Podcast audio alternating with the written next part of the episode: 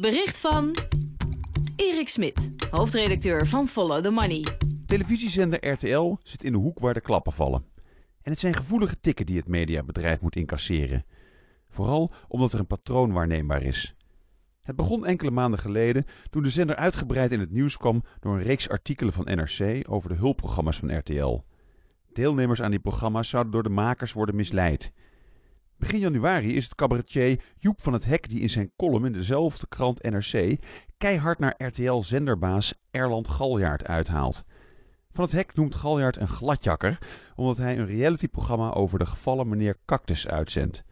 Een bekende loser als de vroegere presentator Peter-Jan Rens op televisie brengen om het publiek als amusement te serveren gaat Van het Hek veel te ver.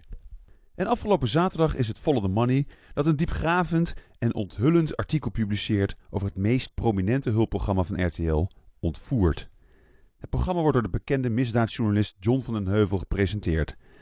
Achter de schermen van het hulpprogramma, dat ontvoerde kinderen uit gebroken gezinnen in beeld brengt, blijkt van alles mis te gaan.